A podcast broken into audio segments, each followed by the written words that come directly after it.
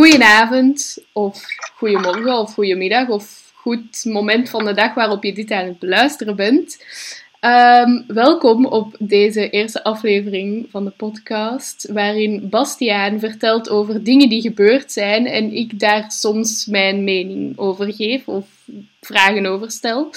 Bastiaan en ik bevinden ons momenteel in quarantaine, zoals iedereen, want blijf in uw kot. Ehm, en ja, zo doden wij de tijd een beetje. Hoe gaat het, Bastiaan, in quarantaine? Het gaat matig. Ik snap het. Ik heb ook de hele tijd het gevoel ook dat het gewoon vakantie is. En dan slaap ik Ja. gewoon altijd uit. Soms echt tot 10, 11 uur. Wat echt niet de bedoeling is, aangezien ik ook schoolwerk heb. Maar Het rare is dat ik nu juist vroeger opsta dan ik in de week zou doen. Ik sta elke dag om half negen op of zo. oh my god. Wat raar is, want zelfs toen ik een les had, stond ik niet op om half negen. Toen stond ik op een kwart voor negen, werd, was ik, kwam ik pas om kwart na negen aan in mijn les. Wauw. Can't relate. Mhm. Ja. Amai. Ja, de quarantaine doet rare dingen met ons. Het zijn rare Ja. tijden voor iedereen. Ja, ik heb eclairs leren maken. Ah, je gezien op Twitter. Ik heb eclairs leren maken. Dat is verbazend gemakkelijk trouwens. Ik heb de dag daarvoor heb ik, wat ik, ah, ik heb keihard dingen gebakken. Ik heb angel slices gemaakt, wat is niet goed gelukt. Ik heb pannenkoeken gebakken. We hebben croissants zitten maken bij ons thuis. Het is echt, ge- ja. Je gaat echt als een andere persoon uit deze kant. Ja, eigenlijk de quarantaine was echt wat ik nodig had voor mijn binnenste, mijn, mijn leefwereld. Ik ga u niet meer herkennen als ik terug in Leuven kom. Ja. We gaan elkaar zo voorbij lopen op straat. ja, ik ga zo zeggen van, ik ken haar niet meer. Who is she? Noah. Never heard of her. Ik heb ook wel het gevoel dat superveel mensen ineens heel veel goede voornemens hebben om fit te worden. Ik was daar net ook nog gaan lopen en superveel mensen waren aan het joggen of lopen. En Ja, maar ik ook. Toen, toen ik ben gaan lopen twee dagen geleden in, in ons plaatselijke fort, was daar keiveel volk de hele tijd aan het lopen. Omdat je eigenlijk niks anders kunt doen dan alleen dat. dat is echt waar eigenlijk. Ja. Maar ja, ik ben dan ook zoveel mensen gepasseerd. Zo op zo smalle wegjes. Waar ik geen anderhalve meter afstand kon houden. Dus ja, eigenlijk is dat ook niet zo praktisch, hè. Maar ja. Het is iets, hè. Quarantaines. En, maar weet je wanneer er geen quarantaine was? Oh, Prachtige segue. Wauw! Nee, ik weet niet. Vertel mij over een wereld zonder quarantaines, alsjeblieft. Er was geen quarantaine. Oh, oh, dit is echt. Ik hoop dat mensen het thuis nog interessant vinden. Ehm, dus, er was geen quarantaine wanneer wij ons verhaal beginnen. En wij beginnen ons verhaal in de tijd van, eh, van Karel de Grote. Dat is toevallig familie van mij. Maar dat was toen dat ze het nog niet schreef met twee O's, die achternaam. Ja, dat is een beetje Maar dat is wel echt mijn onkel. Ehm, uw dat is een onkel. grap die ik al heel erg maak en die niemand grappig vindt. Voor de mensen die het niet weten, mijn achternaam is de Grote. Ziet je die dan vaak op familiefeesten en zo? Mhm, Ja, dat is onze zatte onkel. Die praatte wanneer hij een rijk had. En dan zijn wij van, ja, sure, Jan. Eh, Karel. Whatever. Oké.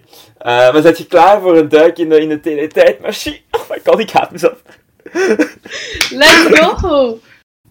Oké, dus we hebben Karel de Grote. Ehm, dus ik skip een heleboel eh, van eh, de Big Bang tot dan. Maar ik vind dat belangrijk eh, dat we wel ergens beginnen. Want anders hebben we geen verhaal. Dat is waar. Dus wat je dus moet weten, is dat in de tijd van Karel de Grote, wanneer dat de koning stierf, dat hij echt rijk verdeelde onder al zijn zonen, in plaats van te geven aan de oudste zoon. Want dan werd het zo meer gezien als, dit is mijn ding en dat is mijn erfenis. Ehm Zo'n persoonlijk ding. Maar dus, wat dat betekent, is dat eeuwenlang ehm, Europa gewoon één grote ruzie was van verschillende broers onder elkaar. Dat is Ehm, niet handig. Ja, ja maar weet je, broers, ruzie maken. Ja, dat is het ding wat ze doen, hè. Ik kan er Ja, niet van meespreken, maar ik kan het mij wel inbeelden. Ja, Ah ja, je hebt geen broers. Ik heb er wel één. Maar ik maak er niet meer zoveel ruzie mee. Maar goed, dan hebben we dus Karel de Grote. En die had een broer. En je moet nu eens raden dat die heet. Bastiaan Karel, de man. Grote. Die heet Karelman. Oh my god. Dus die ouders waren van, ik noem mijn kind Karel, en mijn andere noem ik Karelman. Dat is, die was toch sowieso zat toen zijn vrouw aan bevallen was of zo. Dat kan toch echt niet? Ja, ah wel. Ehm, waarschijnlijk. Maar dus, die was in verdachte omstandigheden gestorven. En dus had Karel, dus die toen nog niet de Grote had, maar dus Karel de Grote, die had dus het hele rijk voor zich alleen. En die heeft dus ook deel van Italië gemaakt. En dus die had eigenlijk eh, veroverd. Dus die had echt heel veel. Ehm, en dan hebben we ook nog een andere speler, en dat is de paus. Dus we hebben Karel, we hebben de paus. En het ding is, ehm, toen was het Romeinse Rijk al gevallen. Maar als paus is dat nogal lastig, want hij heeft keiveel last met de Byzantijnse keizer. Want die heeft zoiets van... ehm, eigenlijk, sinds de val van het West-Romeinse Rijk, ben ik technisch gezien de keizer van Rome. Oh Eh. En Rome is toevallig de plek waar de paus woont. Ehm, Hmm. en dat was iets van, ja, het moest spijtig zijn als iemand invloed uitoefent op, op jouw beleid. En dan was de paus zoiets van, ik wil eigenlijk die keizer niet meer. En dan zag hij van, oh wauw, ik zie daar iemand met heel veel land. Ik ga die keizer maken. En dan gaat Irene van Byzantium stoppen met stom te zijn tegen mij. Eh, en dan zijn dan eigenlijk twee vliegen in één klap, want dan was hij ook keigoed bevriend met, die- met die Karel. Dat was echt zo van, Haleo de derde, ik ben een genie, ik kan dat doen. Ehm, en dus zo is het Heilige Roomse Rijk ge- geboren. Ja, ehm, en we noemen dat dus Rooms, omdat dat dus een logische opvolging zou zijn van het Romeinse Rijk. Maar we noemen het dus niet Romeins, omdat dat obviously niet het geval is. Ah. Ehm, Ja, ja, the more you know, hè. Mhm. Oké, en nu wordt het ingewikkelder. Oh shit. Dus 14 jaar later sterft Karel. En die geeft het rijk dan eerst over aan een van zijn zonen, maar daarna over drie kleinzonen. En dan krijgt één persoon aan wat we nu Duitsland noemen, en die heet Lodewijk de Duitser. En dat was goed, want anders had hij een stomme naam. Ehm stel je voor dat Lodewijk de Duitser Frankrijk kreeg, dan was dat stom. Ehm, Karel de Kale kreeg Frankrijk. En ik vind eigenlijk erg dat die Kaal heet en dat die andere de Duitser heet. En dan was er een derde zoon, en die heette Lotharius. En die krijgt wat we het Middenrijk noemen. En nu bestaat dus niet meer. En dat komt omdat... Dat lag dus tussen eh, Frankrijk en Duitsland.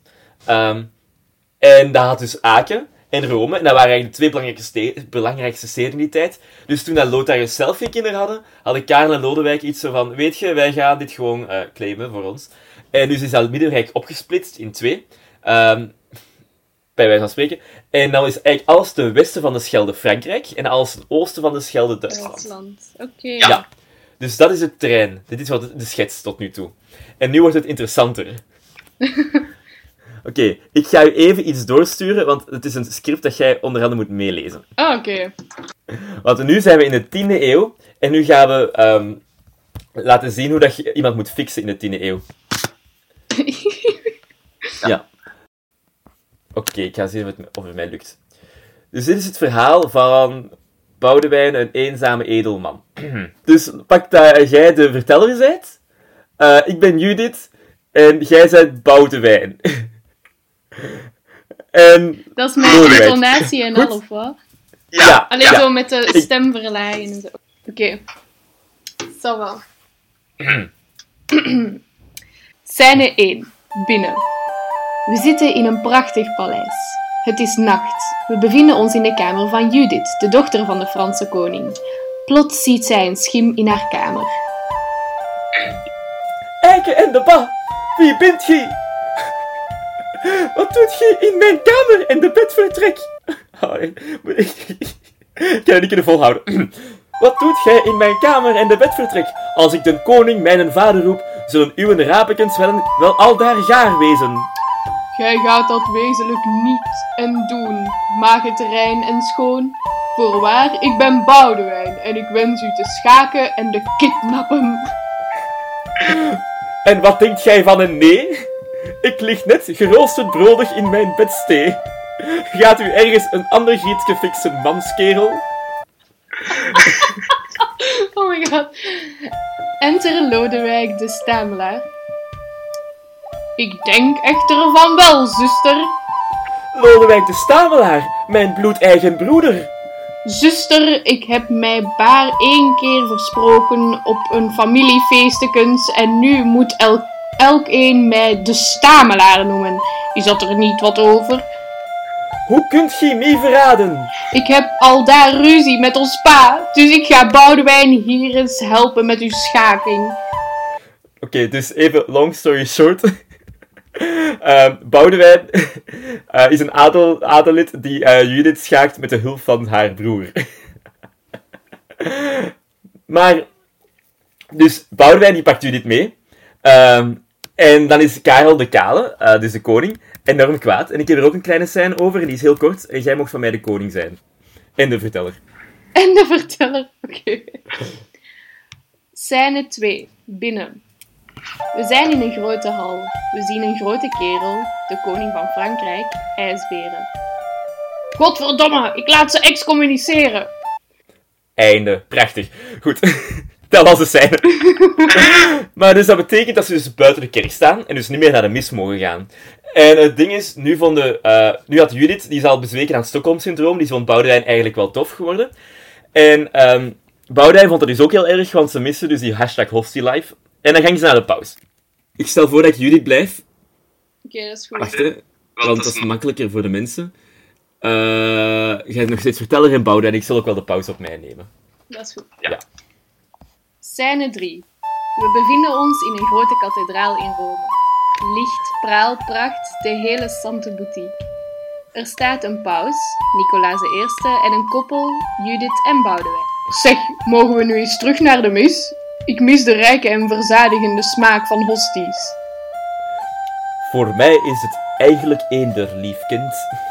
Dat is een pauze. Kan u eigenlijk echt niet eens vragen aan de Franse koning of wij eens mogen trouwen? Ja, het zou mijn derde echtgenoot zijn, dus maakt het op dit punt zelfs nog uit. Ah ja, dat ben ik ook. Ik zal een, eens een mooie briefje schrijven, lief kind. Oh, Ehm, maar dus ze zijn weer gecommuniceerd. ehm, en nu dan stuurden de, heel romantisch, de paus en de koning twee jaar lang brieven naar elkaar. En dat was dan zo van, beste Karel, zou je toch niet Judith laten trouwen met Boudewijn? Groetjes, Nicolaas. En dan stuurde Karel, nee, ik ben echt boos, liefst Karel. wauw. Ehm, ja, en dan, ehm, en dan zei, zei, had Nicolaas een perfect argument. En die zei van, stop eens met een klein kind te zijn en geef hem uw dochter. Het is maar een kleine moeite, alleen kom. En dan was hij zo van, oké, ja, goed dan, na twee jaar. Dus na twee jaar ging Karel akkoord met dat huwelijk. Ehm, hij was er niet aanwezig, want hij was eigenlijk nog heel boos, omdat hij, ja, zijn dochter kwijt was. Ehm, en hij was zelfs zo boos op, Ka- op Boudewijn, dat hij als straf hem het graafschap Vlaanderen gaf. En dus zo werd Boudewijn, Boudewijn de eerste graaf van Vlaanderen. Zo is het graafschap Vlaanderen ontstaan, omdat iemand een, uit boosheid een graafschap verlenen aan iemand. Dus eigenlijk is dat de ultimate move, hè. Steelt gewoon iemand zijn do- dochter en je weet, krijg je dan Vlaanderen. Side note. Ja. Ehm, dit is wel... Eh, dit is wat we nu Oost- en West-Vlaanderen noemen, dus niet de rest erbij. Dus eigenlijk... Je krijgt wel Vlaanderen, maar wel de twee minste delen. Dus, ja. Ehm, Wie wil dan nu? eh? ja, maar dus eh, doorheen het hele Europa werd dan eh, alles wat onderverdeeld in graafschapjes en zo. Aan de overkant van de Schelde ontstond het hertogdom Brabant, wat dus nu de provincies Vlaams-Brabant, Antwerpen en Noord-Brabant zijn. In het noorden, dat zijn ook nog belangrijke spelers in de toekomst, hebben het graafschap Holland. En eh, die hadden altijd heel veel ruzie met Vlaanderen, omdat die graag controle wilden over zo de Scheldebonding en zo. Want weet je, rivieren waren echt een hot topic in die tijd. Ehm, maar het ding is, als een koning zo een stuk land had dat hij dan te leen gaf, want dat heet zo, ehm, dan was het eigenlijk in principe maar voor even. Maar om dat terug te vragen is redelijk awkward. Want stel je voor, uw papa is net gestorven en je staat op die begrafenis als koning en zegt zo van zo, hey, mag ik dat stuk land terug? En dan is hij zo van, ja kerel, zit hier aan de koffietafel. Dus pak dat je later nog eens terugvraagt. Ja. Maar- Maar, ehm, dus eigenlijk, in theorie gingen die landen over van vader op zoon, terwijl dat eigenlijk niet de bedoeling was. Maar dus de Duitse keizer had daar iets op gevonden.